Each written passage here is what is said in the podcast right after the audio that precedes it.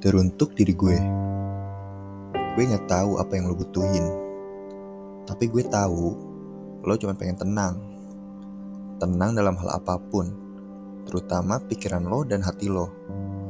Semakin ke sini, membuat lo takut untuk melakukan sesuatu.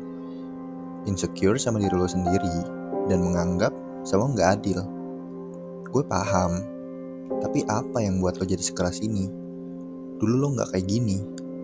Gue tahu lo capek kan, tapi lo nggak bisa berbuat apa-apa. Lo cuman bisa ngejalanin hidup selayaknya manusia di luar sana, walaupun harus pakai topeng. Dengerin ya, mungkin memang sekarang semesta nggak lagi berpihak sama lo, but someday lo bakal dapetin itu. Percaya deh.